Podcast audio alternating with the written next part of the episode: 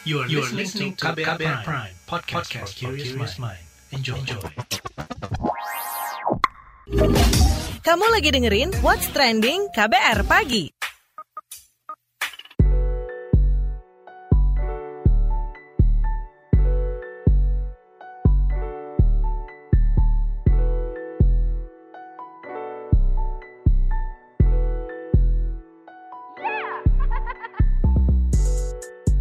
KBR Pagi, siaran pagi radio paling update. Selamat pagi, apa kabar Anda hari ini di hari Jumat 27 Agustus 2021?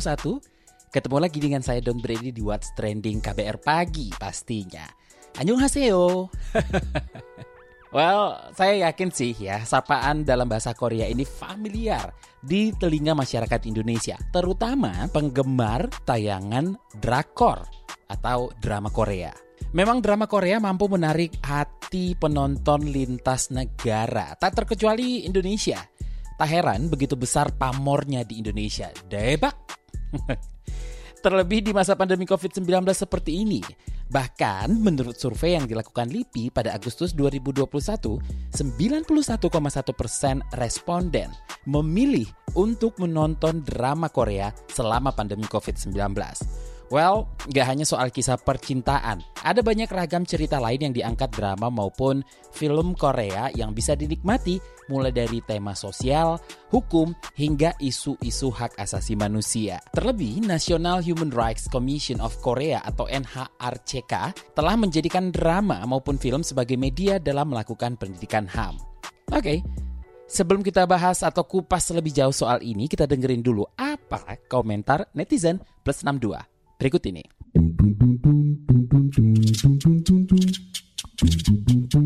Kita ke komentar at FX Mario. Ada soju di drakor jadi pada mau soju. Ada mie pedas di drakor jadi mau pada mie pedas. Ada sapoy di drakor jadi pada mau sapoy.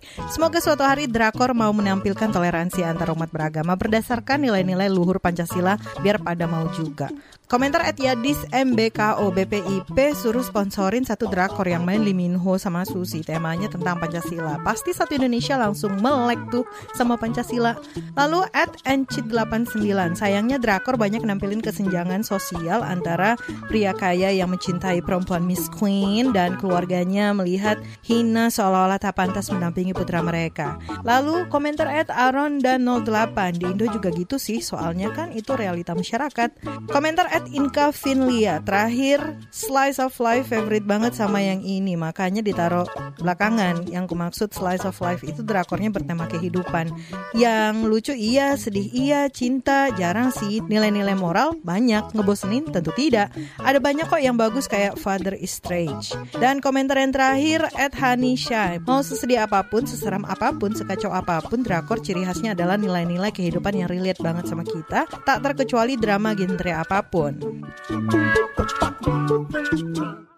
Itu tadi komentar netizen plus 62. Jadi Komisioner Komnas HAM RI BK Ulung Hapsara berniat untuk mengkampanyekan isu hak asasi manusia dengan media yang lebih populer seperti yang dilakukan drama Korea dalam meningkatkan pemahaman soal HAM. Hal ini diungkapkannya saat diskusi belajar HAM dari drama Korea 25 Agustus 2021 lalu. Berikut pernyataannya. Kita ingin menghadirkan prinsip dan standar atau nilai hak asasi manusia dalam kemasan yang lebih populer begitu, lebih mudah dipahami oleh semua kalangan termasuk juga mereka yang kemudian jadi penikmat K-popers, army segala macam soal hak asasi manusia. Musik, ada yang soal seni dan budaya, termasuk soal drama Korea gitu saya juga dapat banyak pertanyaan. Apakah Mas BK penikmat drama Korea? Ya, itu pertanyaan dari saya hanya nggak penikmat begitu loh. Saya menikmati beberapa saja. Itu saya kira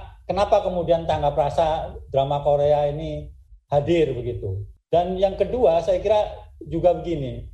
Komnas HAM dengan Korea Selatan itu atau National Human Rights Commission of the Republic of Korea itu sangat dekat karena lima tahun belakangan ini kami juga sering punya acara bareng di World Human Rights Cities Forum di Guangzhou, Korea Selatan. Itu kenapa kemudian kami sangat dekat dengan Korea Selatan bukan hanya soal budayanya, tetapi juga soal visi misi bareng bagaimana kemudian mewujudkan kota yang ramah hak asasi manusia. Tiap tahun, hampir tiap tahun sebenarnya, saya pergi ke Korea bersama ada bupati, wali kota yang memang inovatif dalam soal hak asasi manusia. Kita mempresentasikan bagaimana Indonesia, kota-kota, kabupaten yang ramah hak asasi manusia kepada seluruh dunia karena itu adalah forum sedunia. Nah, terakhir dari saya, saya kira kita mungkin tidak akan terbatas pada drama Korea saja, gitu, tapi juga bagaimana kemudian kita juga mampu beradaptasi dengan budaya-budaya yang lain di dunia ini yang memiliki nilai-nilai yang universal seperti drama Korea gitu. Kita tentu saja Indonesia juga tidak kalah universalnya. Banyak sekali kemudian filosofi yang ada dan karena itulah kemudian kita bisa nanti mendiskusikan bagaimana Indonesia, bagaimana Korea dan yang lain sebagainya dari sisi hak asasi manusia. Nah, dalam kesempatan yang sama, aktivis HAM Tunggal Prawestri pun menilai efektif untuk memasukkan isu HAM ke dalam film atau drama sebagai cara untuk membuat masyarakat lebih paham. Kita simak penuturannya berikut ini. Pak BK Ulung sudah menyampaikan bahwa ketika bicara soal isu HAM, kalau di Indonesia ini kan stigmanya atau stereotip yang ada adalah ini isu yang berat, isu yang biasanya terkait dengan pelanggaran HAM, isu-isu yang sangat sensitif begitu dan sulit untuk didiskusikan. Nah, sebenarnya kalau bicara soal HAM, kalau di Indonesia kita juga masih tahu masih banyak yang belum dituntaskan begitu. Dan beberapa isu sudah mulai diangkat ke layar lebar. Nah, tapi berbeda dengan di Korea Selatan yang kelihatannya saya ambil contoh misalkan peristiwa Guangzhou yang terjadi di tahun 1980 itu sering kali muncul di berbagai apa, drama dan juga filmnya khusus gitu ya kalau taksi driver saya tahu. Nah sementara kalau di Indonesia kita kurang terekspos dengan film apalagi drama yang terkait dengan isu itu ya kita tahu bahwa anak muda saat ini tuh paling nggak bisa kalau modelnya tuh monolog atau digurui gitu ya. Itu harus ada terjadi dialog. Jadi saya pikir model memasukkan isu HAM ke dalam film atau drama itu menjadi pelengkap yang baik untuk memahami satu persoalan atau satu isu tertentu. Mereka menyampaikannya dengan cara yang serius dan memberikannya kepada orang yang profesional. Nah, ini kan artinya kita harus mampu juga memikirkan bagaimana caranya menjangkau teman-teman profesional yang biasa membuat film atau drama di Indonesia. What's trending KBR pagi?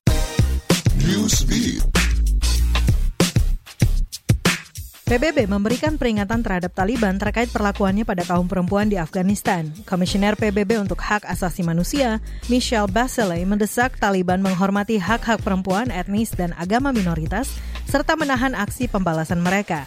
Bachelet mengaku khawatir dengan hak perempuan dan kelompok minoritas di negara tersebut. Menurutnya, perempuan dan anak-anak harus dihormati kebebasannya dalam beraktivitas, berkreativitas, bekerja, dan pendidikan. Sementara itu, lima anggota tim robotika putri asal Afghanistan berhasil kabur dan tiba di Meksiko. Kementerian Luar Negeri Meksiko pun menyambut mereka, sebab negaranya telah berjanji akan membantu perempuan dan anak-anak perempuan Afghanistan. Akibat pagelaran Festival Musik Board Masters 2021 pada 11 hingga 15 Agustus lalu, kasus baru COVID-19 melonjak di Inggris. Otoritas terkait mengungkap sekitar 4.700 orang dinyatakan positif COVID-19 dan mengaku menghadiri festival musik tersebut atau melakukan kontak erat dengan pengunjung. Kenaikan kasus ini disebut-sebut karena festival musik tersebut mengabaikan protokol kesehatan untuk mencegah penyebaran COVID-19. Meskipun para pengunjung telah melaksanakan tes COVID-19, mereka tidak diwajibkan menggunakan masker. Jelang debut Lionel Messi di klub Paris Saint-Germain, PSG, tiket pertandingan antara Reims dan PSG laku keras. Pertandingan ini dijadwalkan berlangsung pada Minggu 29 Agustus waktu setempat atau Indonesia pada 30 Agustus dini hari. Petugas stadion menyatakan lebih dari 20 ribu bangku penonton disiapkan dan ludes terjual. Bahkan bukan hanya orang Prancis yang membelinya, melainkan para penonton asal Chile, Korea Selatan, Thailand, Mesir, dan India. Hal ini disebut-sebut akan meningkatkan pariwisata di Prancis. Selain penonton, permintaan akreditasi media untuk laga pun membludak. Setidaknya ada 120 media yang mengajukan akreditasi untuk pertandingan ini.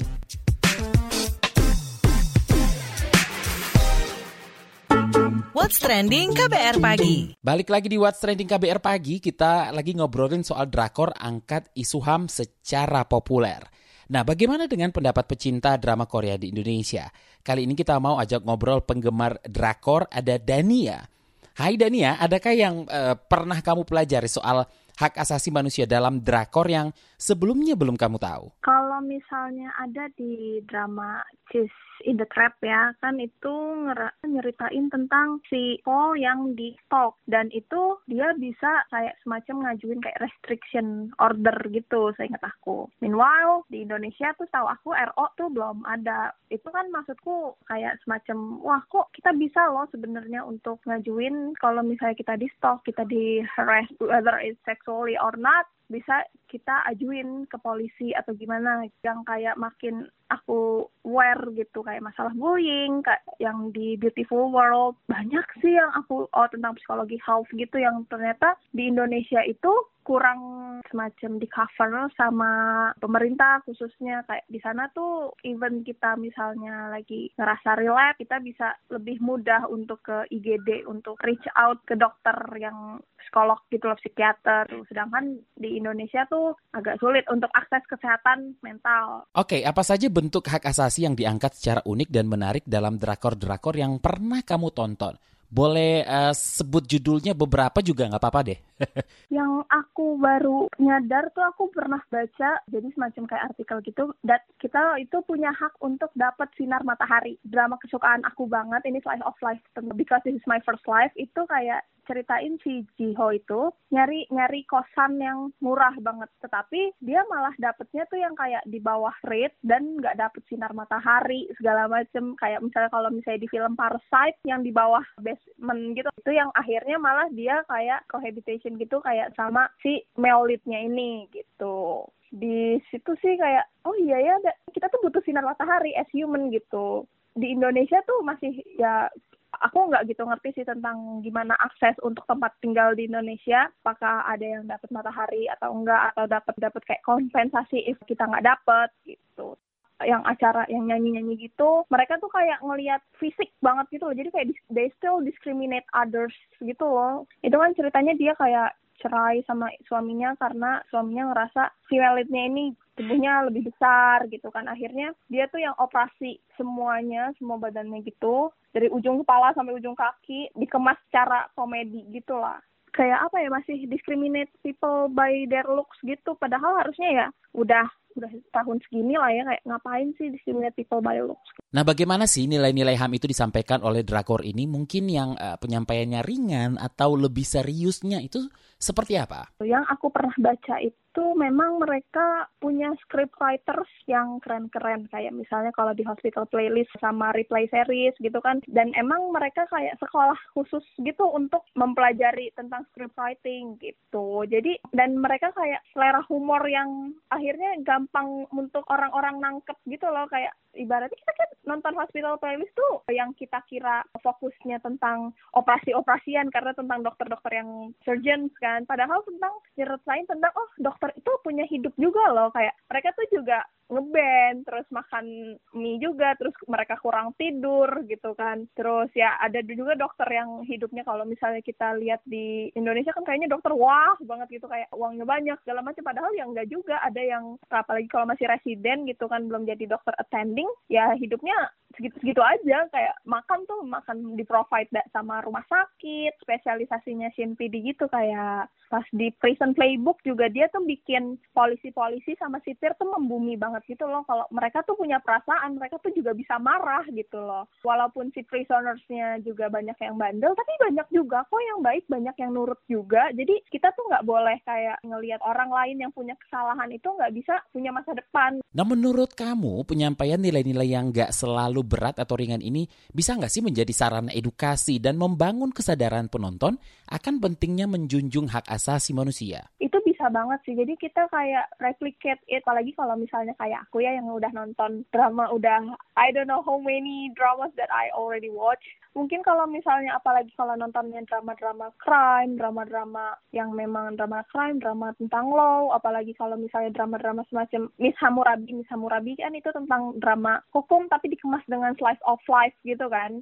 dengan genre slice of life. Kalau mungkin kalau misalnya orang-orang mungkin nonton drama-drama kayak gitu, mungkin lebih kayak nggak langsung mempelajari, tapi lebih kayak oh dia jadi makin aware gitu loh. Kalau misalnya there's a thing called human rights, ini loh human rights yang harusnya tuh human rights tuh kayak gini gitu loh. Harusnya human rights bisa ditegakkan tuh dengan cara yang A, dengan cara yang B. Kita tuh nggak boleh memperlakukan orang secara C, secara D karena kita di bawah alam sadar kita tuh kita sadar apa yang salah mana yang benar mana gitu sih. Oke, perlukah meningkatkan pemahaman HAM kepada masyarakat Indonesia diperbanyak melalui pendekatan film dan sinetron? Kalau di Indonesia sendiri sebenarnya bisa. Pesan moral sih ada, pesan tentang human rights ada, tapi kuliah tuh lebih condong ke arah satu kepentingan gitu lah, nggak universal gitu. Kurangnya produser, kurangnya scriptwriter, intinya kurang orang-orang yang memang mau membahas tentang itu. Mungkin niatnya ada, tapi orangnya yang kurang yang aku baca sih gitu. Iya, jadi kayak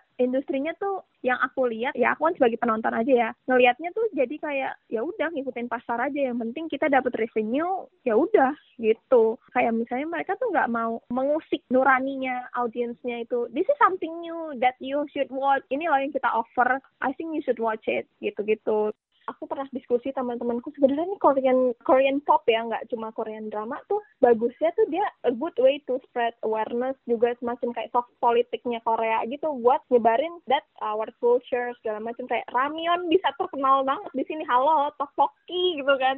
So, kalau Indonesia punya mereka memang disupport banget sama pemerintahnya kan kayak memang diapresiasi banget sama pemerintahnya tentang K-pop kan kayak nggak cuman K-pop as general kayak boy band girl band tapi kayak dramanya culture-nya karena dibawa dalam film itu dan memang they are proud of their culture gitu kan. Terima kasih Dania ya salah satu pencinta drama Korea di Indonesia.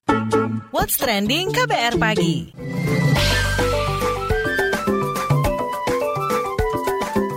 WhatsApp Indonesia. WhatsApp Indonesia dimulai dari Solo, Jawa Tengah. Pemkot Solo tidak mentolerir sekolah yang nekat menggelar pembelajaran tatap muka atau PTM. Wali Kota Solo Gibran Raka Buming Raka mengatakan, Pemkot menyiapkan sanksi bagi sekolah yang nekat PTM di masa PPKM level 4 ini. Menurut Gibran, pengelola sekolah seharusnya berkoordinasi dengan Dinas Pendidikan atau Pemkot Solo sebelum berencana menggelar PTM bagi siswa. Lebih lanjut, Gibran mengungkapkan, ada sejumlah sekolah yang nekat menggelar PTM di saat Solo masih menjalani menjalani PPKM level 4. Dua sekolah tersebut yaitu tingkat SMP dan SMA. Pemkot Solo saat ini masih fokus pada pemberian vaksin untuk pelajar usia 12 tahun hingga 18 tahun. Ada 70 ribu siswa yang menjadi sasaran vaksinasi tersebut, tingkat SMP sederajat hingga SMA sederajat, baik negeri maupun swasta.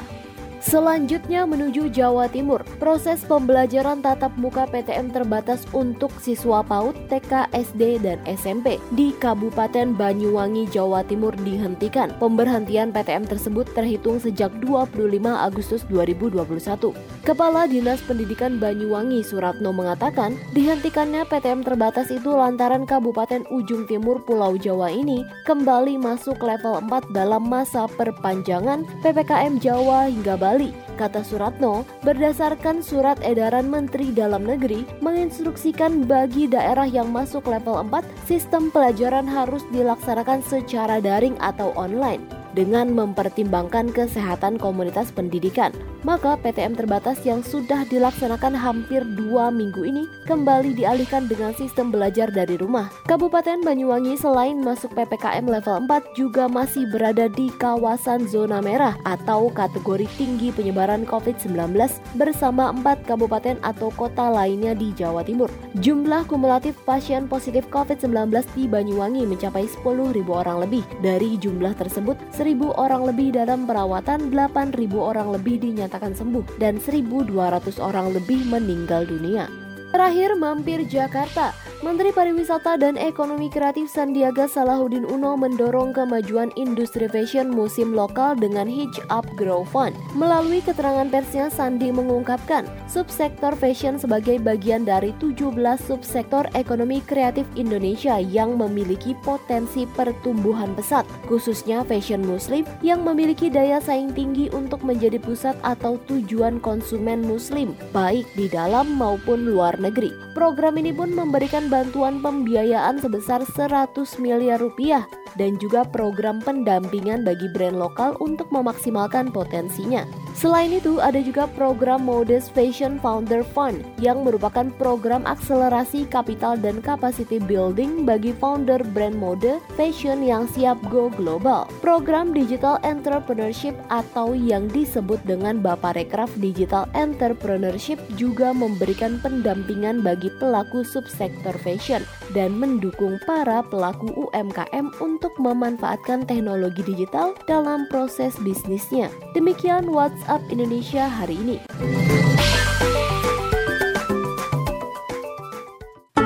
What's Trending KBR Pagi. Balik lagi di What's Trending KBR Pagi, nah di paruh akhir What's Trending hari ini kita mau ngobrolin soal membangun fondasi yang kuat bagi LSM dan perusahaan sosial. Berbagai LSM dan perusahaan sosial mencoba turut membantu menangani peragam persoalan yang dihadapi Indonesia.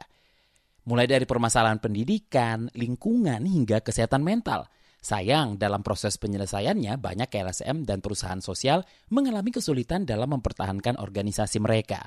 Ada beberapa sebab, di antaranya perencanaan strategis yang masih lemah, kurangnya jaringan kerjasama, dan dukungan keuangan. Di sinilah Gandeng Foundation berperan lewat program Gandeng Incubation atau G Incubation. Nah, G Incubation ini berupa platform di mana para pendiri perusahaan sosial atau LSM awal dapat belajar lebih banyak tentang substansi, bertemu para ahli, dan mendapatkan bantuan dari berkonsultasi dengan orang-orang terpelajar untuk mengubah dan memperluas institusi mereka. Harapannya melalui program inkubasi satu tahun dengan harapan setelah lulus, mereka akan dapat mempertahankan dan membantu memecahkan masalah Indonesia lebih baik lagi. Nah di kesempatan kali ini kita beruntung karena salah satu pembicara dari Gandeng Foundation mau berbagai soal cara membangun dan mengembangkan fondasi suatu NGO dan atau social enterprise yang kuat untuk mencapai kesuksesan. Ada David Christian, founder dari Everywhere. Menarik banget kan? Penasaran dong? Langsung saja kita dengar obrolan reporter KBR Lia Citra bareng David Christian, founder dari Evoware. Nah, betul banget nih kalau dibilang cukup beruntung bisa ngobrol bareng pendirinya Evoware. Betapa tidak, perusahaannya berdiri sejak 2016 yang artinya sudah lima tahun malang melintang di bisnis produk ramah lingkungan. Beberapa produknya yakni cangkir yang dapat dimakan atau edible dengan nama Elo Jello dan sachet yang terbuat dari rumput laut. Malah kini David tidak lagi terfokus pada rumput laut nih, tapi juga pada bahan-bahan biodegradable lain, seperti ampas tebu, bambu, tepung beras, tepung singkong, pelepah pohon pisang, dan pelepah pinang. Apa saja kiatnya untuk menjadi perusahaan yang sudah diakui kesuksesannya ini? Kita gali aja lebih lanjut bersama David Christian, founder dari iPhoneware. Hai Mas David. Halo Melia. Mas bisa diceritakan nggak sih awal mula Mas membangun iPhoneware ini dari manakah mendapatkan inspirasi untuk membuat edible packaging ini? Awal mulanya tuh pasti karena kepedulianku terhadap lingkungan ya aku pertama kali aware atau sadar mengenai isu lingkungan itu pas di tahun 2015 mbak. Jadi waktu itu memang aku baru pulang ke Indonesia, jadi aku dari tahun 2011 sampai 2015 itu tinggal di Kanada gitu. Dan selama empat tahun itu nggak pernah pulang ke Indonesia sama sekali. Begitu empat tahun pulang ke Indonesia, mendarat di Jakarta tuh langsung kayak berasa banget gitu sih. Polusi udara gitu kan. Ngelihat bahwa banyak sampah juga gitu. Terus dari situ baru tahu nih kalau ternyata kan terutama di Jakarta kan masalah polusi udara, habis itu polusi persampahan juga cukup banyak ya kayak gitu dan tentu juga baru tahu ternyata Indonesia penghasil sampah plastik terbesar kedua di dunia. Terus habis itu baru kayak kepikiran nih, oke okay, pengen nih sebenarnya bikin bisnis yang bisa juga uh, menyelesaikan atau menjadi solusi sebenarnya untuk permasalahan sampah plastik ini gitu. Yang pertama kali menurutku waktu paling penting adalah meningkatkan kesadaran, tapi cara meningkatkan kesadarannya tuh harus dengan cara yang berbeda gitu. Jadi waktu itu aku berpikir mesti bikin produk yang unik yang belum pernah ada sebelumnya di Indonesia. Jadi pas kita mempresentasikan produk itu orang tuh kayak tertarik bahwa apa nih produknya gitu kan. Nah dari situ kita bisa mengedukasi orang tuh lebih gampang. Jadi gelas yang bisa dimakan itu uh, terbuatnya juga dari rumput laut karena Indonesia sendiri juga merupakan salah satu penghasil rumput laut terbesar di dunia. Gitu. Jadi kita pakai uh, sumber dayanya juga bisa lokal juga. Mas, ini kan seperti yang tadi dimention bahwa ini kan jarang begitu ya, hal yang unik begitu. Tapi selama proses pembangunan usahanya sendiri, apa sih kesulitan yang dihadapin gitu? Kesulitan sih banyak banget ya. kan terutama karena eh Hubert ini sendiri itu bisnis pertamaku ya. Terus backgroundku juga bukan yang di kayak bioteknologi atau food technology gitu. Jadi itu coba-coba aja tuh waktu itu pas bikin si gelas elo jelonya itu. Termasuk dalamnya dari segi finansial, manajemen apa segala macam itu kan aku belajar semuanya dari awal ya. Jadi itu tantangannya besar. Cuman uh, sampai sekarang sebenarnya tantangan paling besarnya itu adalah mengedukasi sih produk-produk kita kan produk yang ramah lingkungan, punya anti plastik. Nggak banyak orang masih belum terlalu familiar dengan produk-produk ini. Dan juga ketika dibandingkan langsung oleh harga plastik konvensional, produk kita lebih mahal nih kalau misalnya dibandingkan secara jangka pendek. Nah, kita juga harus mengedukasi orang juga nih kalau misalnya yes memang mungkin secara jangka pendek harganya lebih mahal daripada konvensional plastik, tetapi konvensional plastik ini juga banyak hidden cost-nya nih, yaitu kayak cost lingkungan hidup termasuk cost kesehatan kita, di mana itu untuk membersihin lingkungannya ketika udah rusak atau untuk membersihin lingkungan ketika kotor gitu kan. Manage sampahnya sendiri pun udah kayak mahal sekali. Belum sampai kalau misalnya sampai kita makan mikroplastik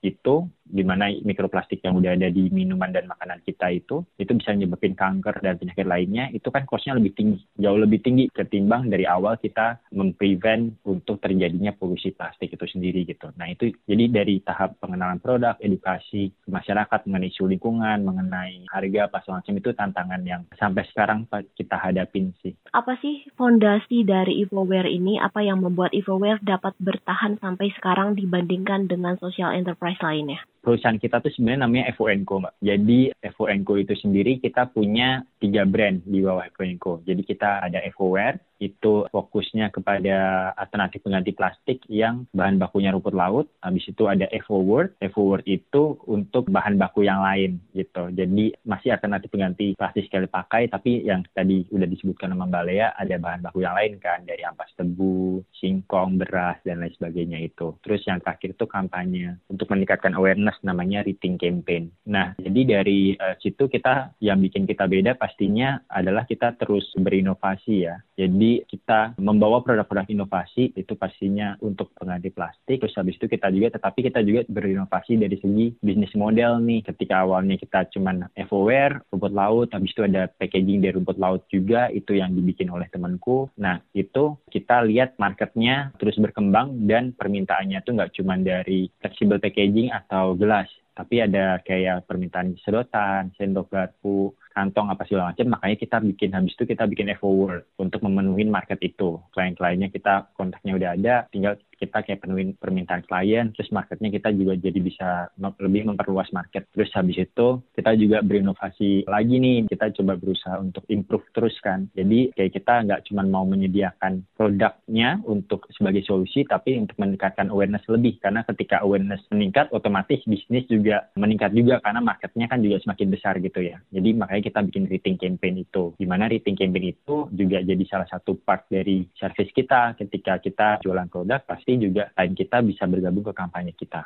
Kita bikin banyak aktivitas terus salah satu aktivitasnya dan semua aktivitasnya itu bisa berhubungan gitu mbak dengan bisnisnya juga gitu. Jadi uh, untuk memperluas market juga pastinya. Jadi menurutku itu sih kita terus coba berinovasi terus coba improve gitu kan. Kita selalu berkolaborasi. Jadi kita nggak berusaha semuanya kayak kita kerjain sendiri gitu. Karena kita juga punya kemampuan yang terbatas jadi kita sangat open untuk kolaborasi dengan semua pihak gitu termasuk mungkin kayak yang orang anggap itu kayak wah itu saingan kita gitu kan tetap saling uh, menguntungkan dan tetap memiliki visi yang sama Menurut Anda, hal apa saja sih yang perlu dimiliki oleh NGO atau social enterprise di Indonesia agar bisa memiliki fondasi yang kuat dan berkelanjutan? Paling penting menurutku visinya mesti jelas dulu ya. Jadi kayak visi value NGO itu atau value si social enterprise itu mesti clear di awal gitu. Dan jangan sampai kita jadinya tuh kayak berjalan nggak sesuai dengan value kita gitu kan. Visi kita menciptakan dunia tanpa polusi plastik gitu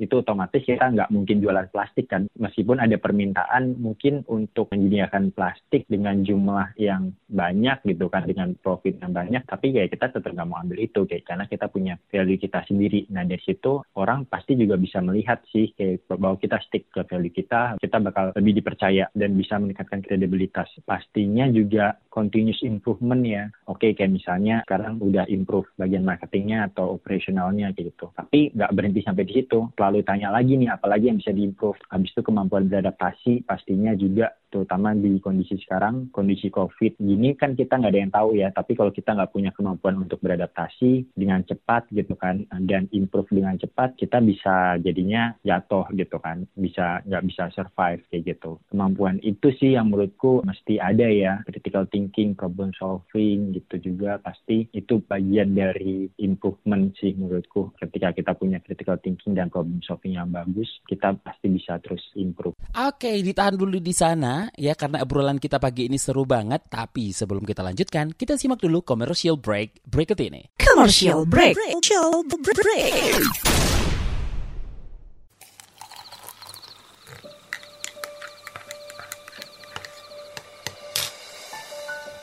Hai, kamu apa kabar? Masih suka menikmati senja dan kopi? Aku masih ingat kebiasaan kita. Sehabis pulang kerja, selalu mencari tempat untuk sekedar ngobrol dan ngopi. Tapi kadang kita kehabisan bahan obrolan. Aku masih melakukan hal yang sama sampai sekarang tanpa harus takut habis bahan buat ngobrol. Karena aku selalu mendengarkan KBR sore dari Senin sampai Jumat jam 4 sore. Ah, aku rindu. KBR Inspiratif Terpercaya. What's Trending KBR Pagi. Balik lagi di What's Trending KBR Pagi. Nah, memulai sebuah NGO dan social enterprise bukanlah sesuatu hal yang mudah. Mulai dari mencari visi misi hingga menciptakan layanan yang membantu masyarakat. Hal ini sangat benar, terutama untuk pendiri NGO dan social enterprise yang tidak memiliki skill set ataupun pengalaman yang dibutuhkan untuk mendirikan sebuah NGO dan social enterprise. Kekurangan ini dapat menyebabkan terhambat maupun berhentinya progres sebuah NGO dan social enterprise. Stagnasi dapat menyebabkan NGO dan social enterprise untuk gagal menjadi sebuah organisasi yang berkelanjutan. Kita lanjut lagi menyimak obrolan reporter KBR Lecitra bareng David Christian, founder dari Evoware. Nah, kita lanjut lagi nih. Kami tahu inisiatif dari perusahaan Anda ini luar biasa ketika berhasil menciptakan produk ramah lingkungan di mana belum banyak inisiatif serupa di Indonesia nih. Kalau di masa sekarang, menurut David sendiri, seperti apa saja sih inisiatif yang dapat dikembangkan oleh suatu NGO atau social enterprise? Waktu itu kita pertama kali bikin 2016 memang belum banyak ya. Tapi uh, sekarang kita lihat udah mulai banyak nih kayak NGO atau social enterprise yang yang kayak mengembangkan produk-produk yang mirip-mirip. Kalau inisiatif yang dapat dikembangkan oleh suatu NGO atau enterprise menurutku banyak ya gitu kan selama baik lagi value-nya itu kan punya value yang clear gitu jadi inisiatifnya itu menurutku bisa banyak sekali ya kan kalau kita membicarakan kalau kita mau spesifik misalnya membicarakan permasalahan plastik gitu kan. Kalau di Evoenco sendiri kita lebih fokusnya replacement, kita menggantikan menyediakan alternatif pengganti plastik sekali pakai. Apakah itu yang kita bikin sendiri kayak Lojelo atau yang kerjasama dengan orang lain gitu. Cuman kita fokusnya tuh menggantikan plastik sekali pakai. Kalau misalnya yang lain bisa sistemnya kayak reuse gitu kan kayak gimana cara menciptakan suatu sistem misalnya belanja atau buat take away apa pun itu dengan menggunakan sistem yang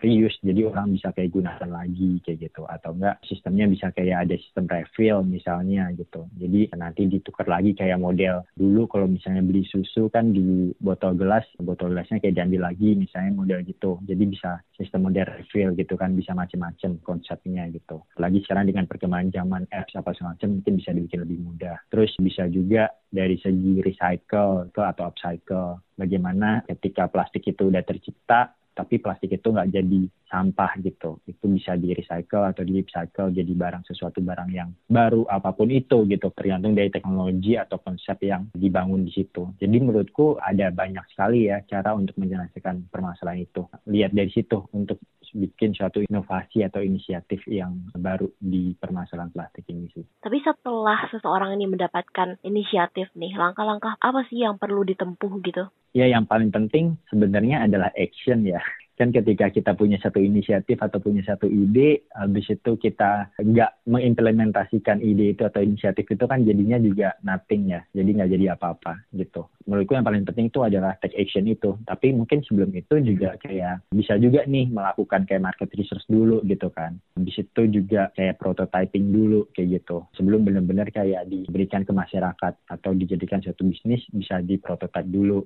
Jadi kayak dilihat dulu nih apakah inisiatif ini itu cocok atau enggak gitu kan. Jadi bisa dapat feedback dulu juga dari orang lain. Karena terkadang kayak misalnya inisiatif itu kita anggap bagus, tetapi yang anggap bagus misalnya cuma kita doang gitu kan. Tapi kita juga harus melihat dari segi market pasar juga kan dan apakah orang lain mau menggunakan itu atau melakukan itu dari inisiatif yang ya, kita buat. Itu bisa dari situ dulu kalau terkait pandemi nih, bagi EvoWare ini pandemi itu halangan atau kesempatan? Apakah dampak dari pandemi ke dalam internal dari EvoWare sendiri dan aksi yang telah dilakukan untuk tetap eksis dan berlanjut gitu? Iya, kalau aku melihat suatu masalah itu selalu sebagai kesempatan sih, terutama kesempatan untuk belajar ya. Jadi eh, pasti dari setiap masalah yang ada, setiap problem yang ada gitu kan, sejelek-jeleknya itu dari situ pasti kita bisa belajar dan uh, terus berkembang di situ. Kita membicarakan pandemik ya, itu di tahun lalu, terutama pas awal-awal pandemik waktu itu masih namanya masih PSBB yang pertama kali kayak restoran, kafe itu benar-benar nggak boleh buka ya. Takeaway pun juga kayak nggak boleh gitu. Jadi sedangkan klien kita banyak di di situ. Jadi kayak penjualan kita tuh turun drastis banget, bisa sampai kayak 90% lebih gitu selama beberapa bulan. Dan itu kita benar-benar pusing banget deh itu sampai sampai benar-benar udah kayak kehabisan uang semuanya pas macam gitu. Cuman ya dari situ kita terus berusaha ya kayak balik lagi kita harus bisa beradaptasi dengan cepat gitu. Jadi kita coba berbagai banyak hal tuh dari kayak kita coba bikin kit kayak healthy kits yang lebih ramah lingkungan, habis itu cara kita jualan produknya kita juga coba kayak ubah juga gitu. Habis itu kita coba cari-cari produk apa nih yang kira-kira bisa fit untuk di sekarang tapi tetap yang untuk yang masih menggantikan plastik nih sesuai dengan value kita gitu kan yang ramah lingkungan kayak gitu. Terus habis itu kita juga evaluasi lagi nih dari cara kerja kita gitu kan. Jadinya kan nggak bisa kerja dari kantor gitu kan. Terus habis itu kita coba evaluasi secara internal juga cara kerja kita bagaimana habis itu pelaporannya bagaimana gitu kan teman-teman tim kita juga kayak gimana cara kerjanya supaya bisa lebih efisien, bisa lebih efektif kayak gitu. Dan dari situ kita belajar banyak sekali sih. Ternyata secara internal cara kita manage tim, manage kerjaan sekarang tuh jauh lebih efisien. Bisa dibilang mungkin dengan tim yang lebih kecil bisa menghandle project atau kerjaan yang jauh lebih banyak daripada sebelumnya gitu. Terus habis itu secara eksternal kita cara kita jualan, habis itu target market kita apa semacam kita kayak redefine ulang. Kayak kita akhirnya juga mampu beradaptasi gitu. Di mana akhirnya tahun ini malah jadi tahun terbaik kita nih dibanding sebelum Corona 2019 kayak gitu. Tahun ini tuh jauh lebih bagus gitu. Bagaimana sih Anda melihat masa depan NGO atau social enterprise di Indonesia? Apa social fiction Anda?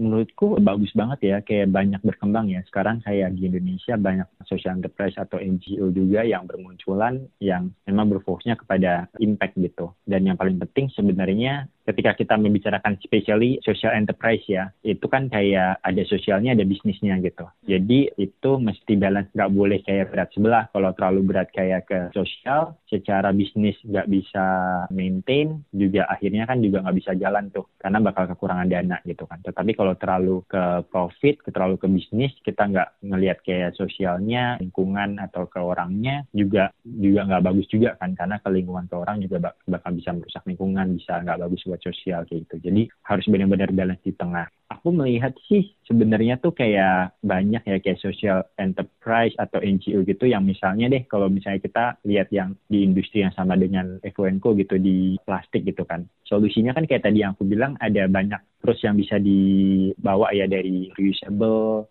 refill ya kan menggantikan si plastiknya sendiri atau kayak recycle kayak gitu. Nah, cuman kadang-kadang itu satu solusi dibanding yang lain tuh dianggapnya sebagai kayak saingan kayak gitu kan.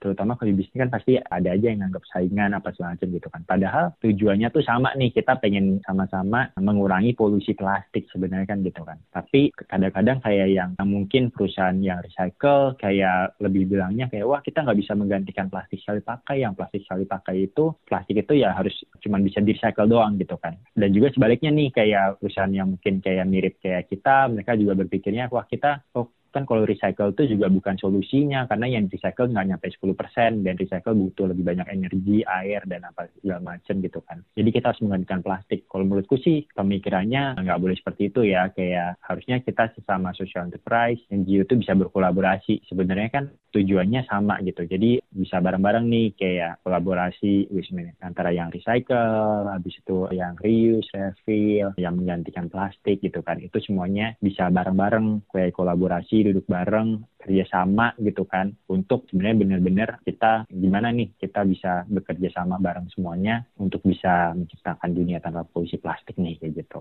itu okay. sih kalau uh, social fiction ya. Baik, Mas David terima kasih banyak ya sudah mau berbagi dengan pendengar dari What's Trending KBR. Ya, yeah, thank you Alia for having me. What's Trending KBR Pagi. Terima kasih ya sudah mendengarkan What's Trending KBR Pagi. Tetap terapkan 5M, mencuci tangan, memakai masker, menjaga jarak, menghindari kerumunan, dan mengurangi mobilitas. Don't ready undur diri. Kita ketemu lagi hari Senin. Have a nice day, have a nice weekend. Stay safe. Bye-bye. Terima kasih ya sudah dengerin What's Trending KBR Pagi. KBR Prime, cara asik mendengar berita. KBR Prime, podcast for curious mind.